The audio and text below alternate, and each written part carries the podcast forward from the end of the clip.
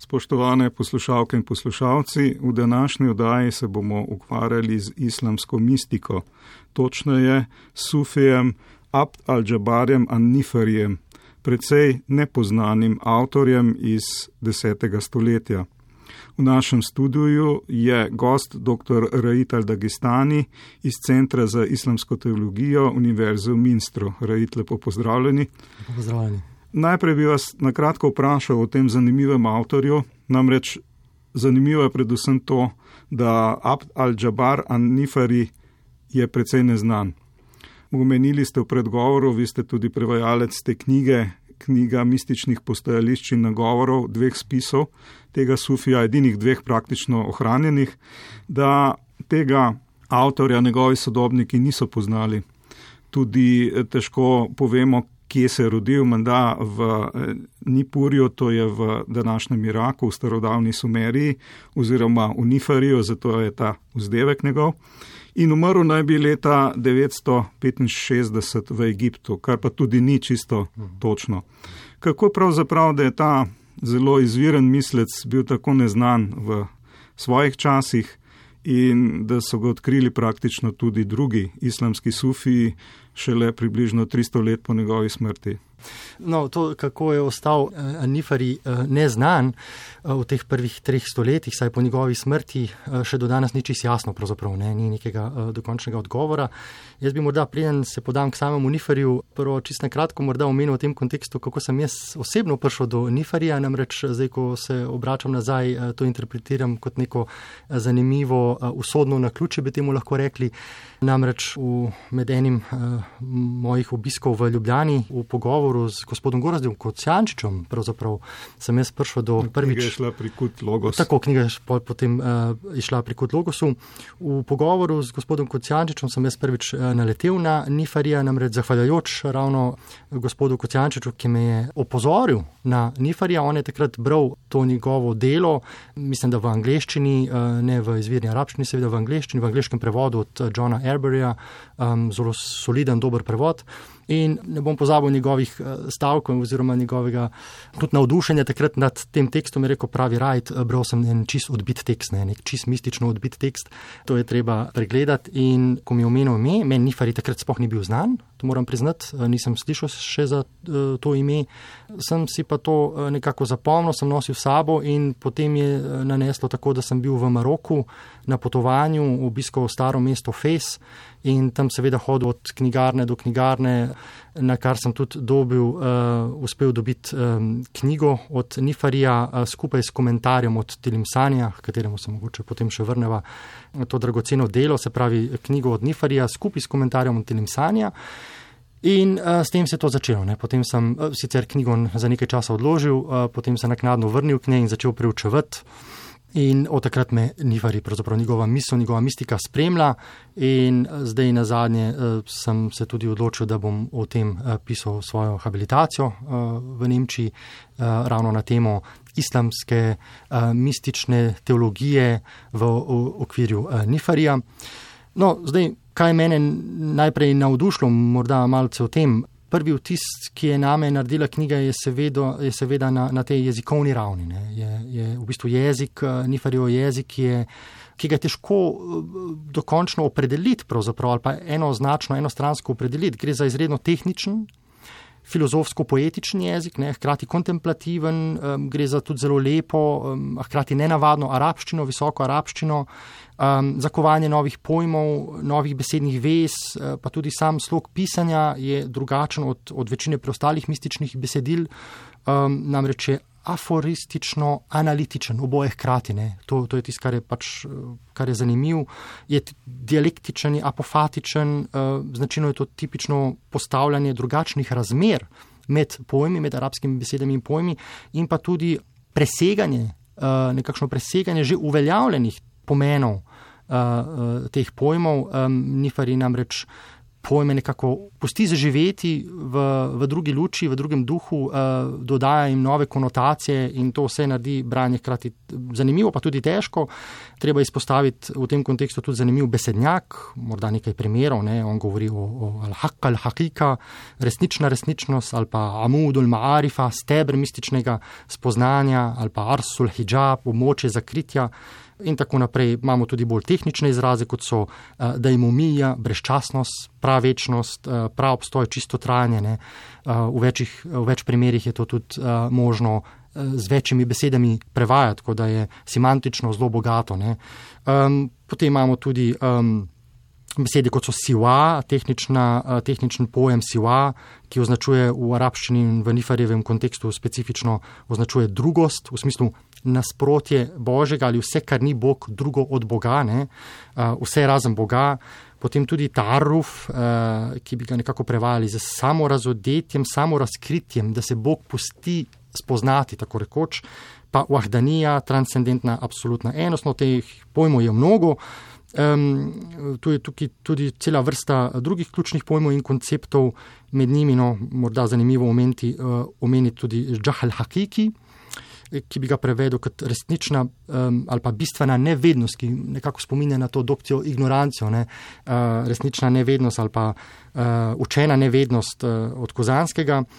Um, pa kar je tudi zanimivo in hkrati tudi, uh, kar oteži pol samo prevajanje, ne, je, um, so ta subtilna razlikovanja, um, kot recimo razlikovanje med vat, bistvom, um, ali sebstvom in zatija, uh, absolutnim bistvom, absolutnim sebstvom, ali pa med rahma, ki pomeni milost, in rahmanija, uh, milostnost, kot to prevajam. Ne? Gre za subtilne razlike, uh, pa tudi celo vrsto strogo ontoloških filozofskih uh, pojmov, kot so mahija, kajstvo, bistvo, ne? ali pa ajnija, tukajšnost, tu bitnost in tako dalje.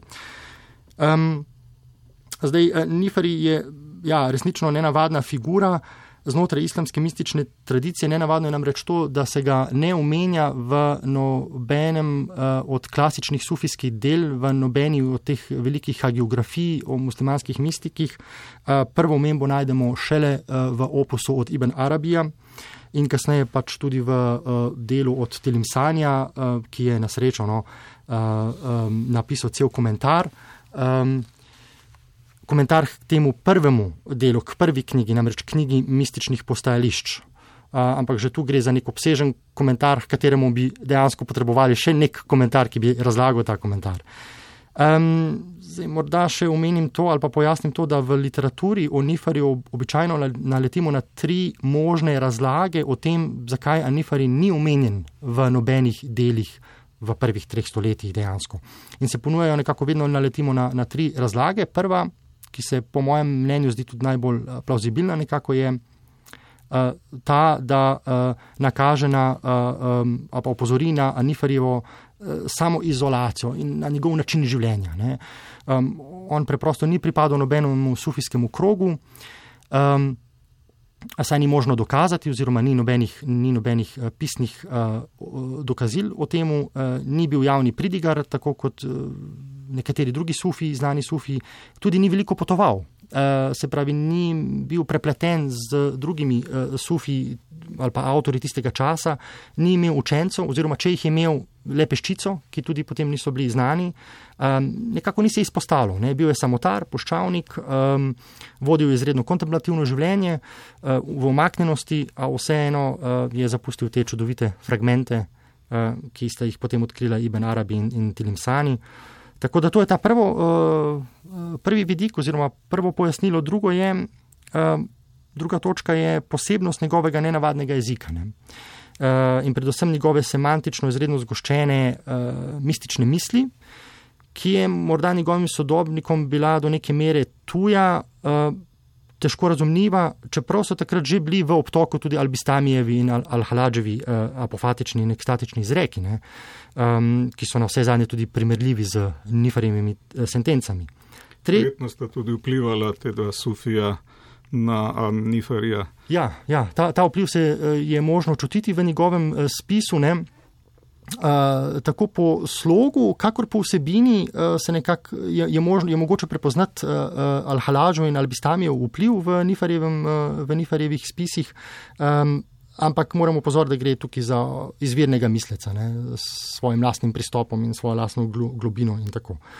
No, tretja, mogoče točka, še na zadnje, da izpostavim, je Al-Halaževa obsodba in naknadna, naknadna kruta usmrtitev tega Al-Haladža, eh, velikega mistika muslimanskega, eh, ki je bil usmrčen strani halifa in je morda prestrašila, bi rekel, takratn, eh, takratno sufijsko sceno, ne, da tako rečem, da so postali ti sufijski krogi in avtori morda nekako bolj previdni, kar se tiče sprejemanja in pa tudi posredovanja um, takšnih za ortodoksijo nekako provokativnih uh, tudi misli in, in idej in konceptov. Ampak no, sam osebno sem mnenja, da lahko samo prvi razlog eh, dejansko nekako služi kot morebitno plauzibilno pojasnilo za to tišino nad Nifarijem, ne, mhm. ki se je nekako razgrnila v prvih treh stoletjih. Um, kajti Nifari preprosto ni bil znan, um, njegovi spisi niso bili znani in um, um, sodobniki, tudi njegovi nasledniki ga preprosto niso poznali. Ne. No, v predgovoru ste napisali, da gre pri Annifariju za radikalno apofatično mistiko zedinjanja, za poskus premustitve neskončne kvalitativne razlike med Bogom in človekom, tu ste povzeli Kierkegaarda, med ustvarjenim in večnim, kar je pa samo poskus, kajti Bogu se ne moreš popolnoma približati. To je podobno tudi recimo pri krščanskih mistikih. Mm kako bi še lahko bolj razložili to, bi rekli, apofatičnost uh, Anniferija? Ja, eh, za Niferija je dejansko značilna ta apofatična misel ne, o nespoznavnosti, nespoznatnosti, nedomljivosti, uh, in nedosegljivosti poslednje božje resničnosti, kajti Bog jasno v Anifarjevem kozmosu ni pojmovni Bog prvenstveno, ne, ni Bog dogmatičnega teološkega sistema, temveč nekako živa, imanentno transcendentna resničnost, ki vse prežema in hkrati vse neskončno presega. Um, in to tudi nekako ustreza, korespondira s tem uh, verzom v Koranu, ne, kjer, um, na, uh, kjer, kjer, kjer piše, kjer beremo, da je Bog bližji od naše vratne žile, ne, hkrati pa absolutno uh, presežen. Um, no, in to je ta pač res, resničnost, kateri se mistik v svoji kontemplaciji in meditaciji nenehno približuje in ne more nikoli povsem doseči. Ne. In oba spisa, torej knjigo mističnih postajališč, in knjigo mističnih nagovorov, ki jih uh, pogosto uh, v nekaterih izdajah dobimo tudi skupaj, bi lahko upravičeno iz tega stališča upravičeno označili za mojstersko literarno prizadevanje, kako pravzaprav ubesediti tisto neizrekljivo. Ne? Numinozno, izkušnjo, absolutno transcendentnega, a vse obsegajočega Boga, ki pa se oteguje vsakašni kategorizaciji, klasifikaciji in, in tudi dokončni določitvi. Zdaj, morda eh, ne vem, če imamo toliko časa, da samo saj, saj en, eh, eno sentenco o tem preberem, da tudi za, za občutek, um, kako uh, to Nifari opiše. Morda kar iz prvega poglavja, um, ki nosi naziv postajališče veličastva, uh, Maukif al-Aiz. Uh, in začne s to uvodno frazo, postavil me je v veličastvo in mi dejal, to je ta uvodna uh, formula, tako rekoč, uh, ki jo srečamo na uh, začetku vsakega poglavja. In je um, dejansko Bog tisti, ki je tukaj govorec, ne, Nifari samo posreduje um, to, kar, je, kar, mu je, kar mu je Bog razodel in pravi: Veličastvo ne pripada nikomor razen meni in nihče ga ni vreden razen mene. Jaz sem veličastni, čigar bližina je za mistika neuzdržna in ustrajanje v mističnem zrenju nemogoče. Razodel sem vidno, a sem vidnejši od njega. Njegova bližina me ne doseže in njegov obstoj ne vodi k meni. Skril sem nevidno, a sem še bolj skrit od njega. Nobeno od njegovih znamen ne kaže name in nobena od njegovih poti ne pelje k meni. Anifari govori o mističnih postajališčih, saj tako ste prevedli eh, ta naziv teh postajališč več, recimo postajališče mistične intuicije, pravi postajališče mistične zavesti in podobno. Kako bi lahko definirali to postajališče? Seveda to postajališče ni Bog sam, ampak je pravzaprav nek, ne bomo rekli prostor, ne moramo govoriti o fizičnem prostoru, ampak neko stanje, v katerega Bog postavi mistika, v tem primeru Sufija Anniferija. Ja, um, um. Zdaj, poleg teh številnih temeljnih pojmov, ki smo jih omenili na začetku, ki sem jih izpostavil na začetku, Niferjevo delo otvorita predvsem dve osnovni kategoriji. In to sta Maukif v arabščini in pa Wakfa. Maukif in Wakfa. Zdaj, Maukif prevajam kot uh, Maukif pomeni postajališče, uh, prevajam kot duhovno-mistično postajališče, Wakfa, Wakfa pa kot sveto stojišče. Gre za mehko razliko zdaj v besedi, ampak kar precejšno v, rekel, v metafizičnem smislu, v, v pomenu. Um, v obeh primerjih pa gre za nekako simbolični oznaki, ki označujeta dve pravzaprav dve različni uh, duhovno-mistični izkušnji. Um, in prva knjiga nosi naslov Kitab al-Mawakif, torej knjiga mističnih postajališč. Mawakif je množinska oblika besede Mawkif. In ta knjiga je razdeljena v 77 različno dolgih postajališč, pri čemer je osmo poglavje, ki predstavlja nekako tudi doktrinarno uh, jedro uh, te knjige, pričajočega spisa, uh, naslovljeno z Mawkif al-Wakfa, torej mistično postajališče svetega stojišča ali na kratko postajališče stojišča. No, zakaj gre pri tem? Avtor nam pravzaprav prek vsakega Maukifa, torej not, notranjega, duhovno-mističnega postajališča, posreduje svojo nominozno izkušnjo. Ne? Govorec je, kot sem dejal, uh, skoraj vse čas Bog, čeprav srečamo tudi notranje dialoge med Niferijem in Bogom, vprašanja, ki jih Niferi naslovi na Boga in tako naprej, ampak uh, načeloma gre za eh, božji govor, ki ga Nifari posreduje v svojem jeziku. In pri tem vsako sentenco začne s to uvodno frazo, ki je zelo značilna uh, za, njegove, za njegovo delo. Avkafani uh, fi, wakala li, se to glasi v arabščini. Avkafani fi, wakala li, s katero, uh, s katero bralcu pove, da ga je Bog postavil na določeno postališče, na določeno notranje mesto, tako rekoč, in mu spregovoril. Uh, Zdaj, v tem kontekstu je dragocena in zanimiva, se mi zdi ta uh, Telimsanijeva razlaga te uvodne fraze, ki bi jo tukaj čisto kratko pojasnil. Uh, Telimsani v svojem komentarju k Nifarjevem delu pravi namreč, da ta avkafani fi wakala li, torej postavil me je na to in to postališče in mi dejal, pomeni prebudil me je v zavest. Gre za neko prebuditev v zavest, ki zaznava in sprejema Bože samo razodetje oziroma samo razkritje.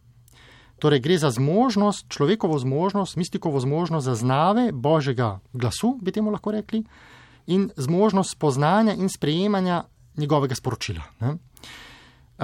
Seveda, takšna govorica ni govorica jezika, temveč, kot bi dejal Faradin Atar, drugi znani perzijski mistik, govorica neposrednega stanja.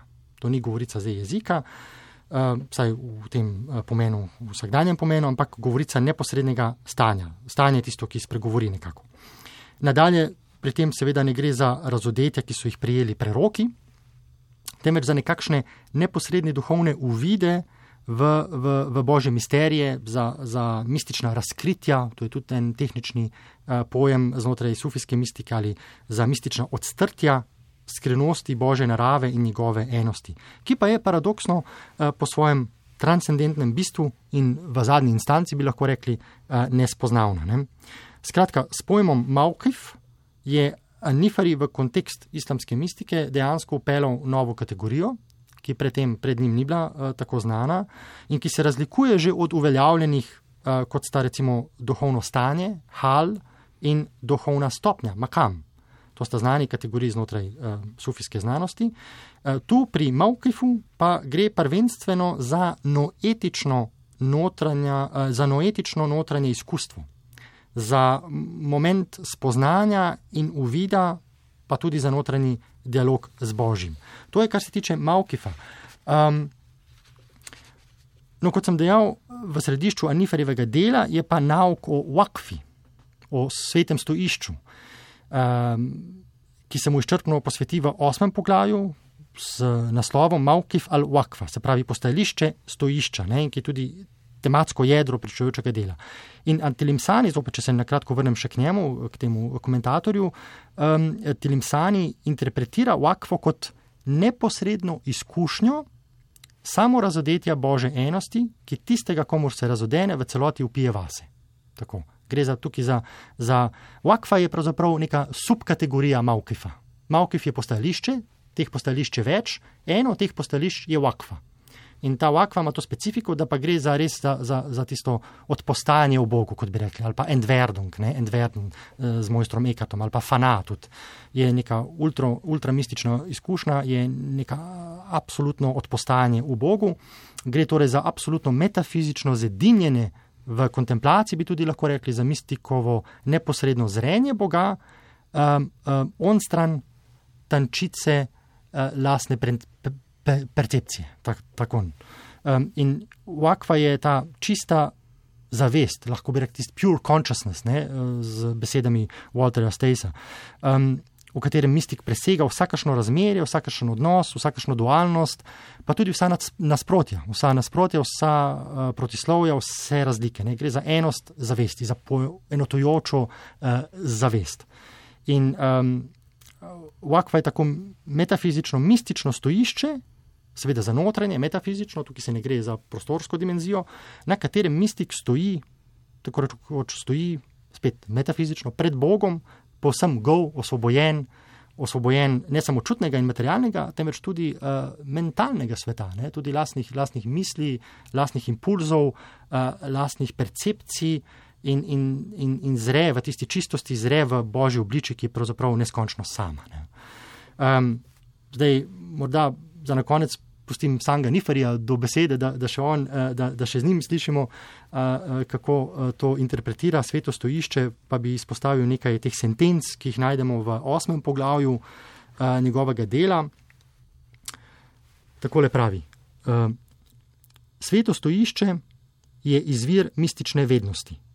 Kdor stoji, zajema vednost iz samega sebe, kdor pa ne stoji, jo zajema od drugot. Sveto stojišče je svetloba, ki osvetli resnične vrednosti tvojega lastnega obstoja in izbriše misli. Sveto stojišče je on stran dneva in oči, ter on stran tega, kar vsebujete. Sveto stojišče je požar, ki požira drugost. Na svetem stojišču ni niti vzpostavitve, niti izničenja, niti govora, niti dejanja, niti vednosti, niti nevednosti. Sveto stojišče pripada nepredirni enosti. Kdor stoji na njem, se njegova zunanjost poisti z njegovo notranjostjo in njegova notranjost z njegovo zunanjostjo.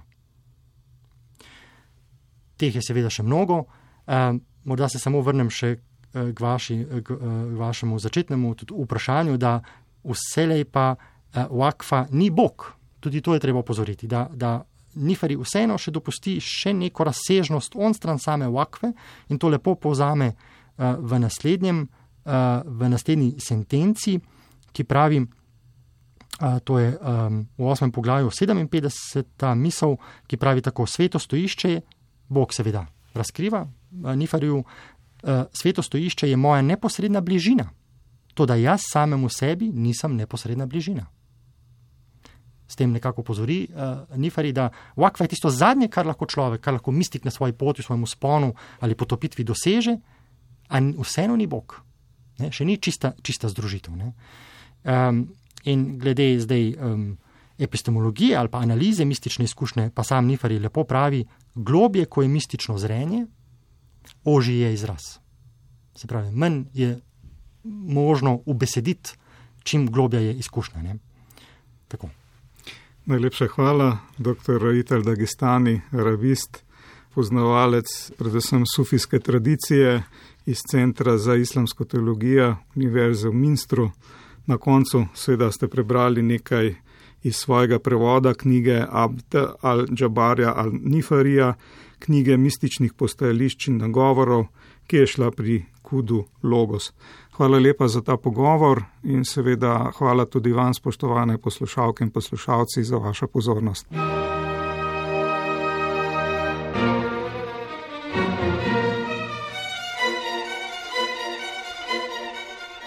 Sedmi dan.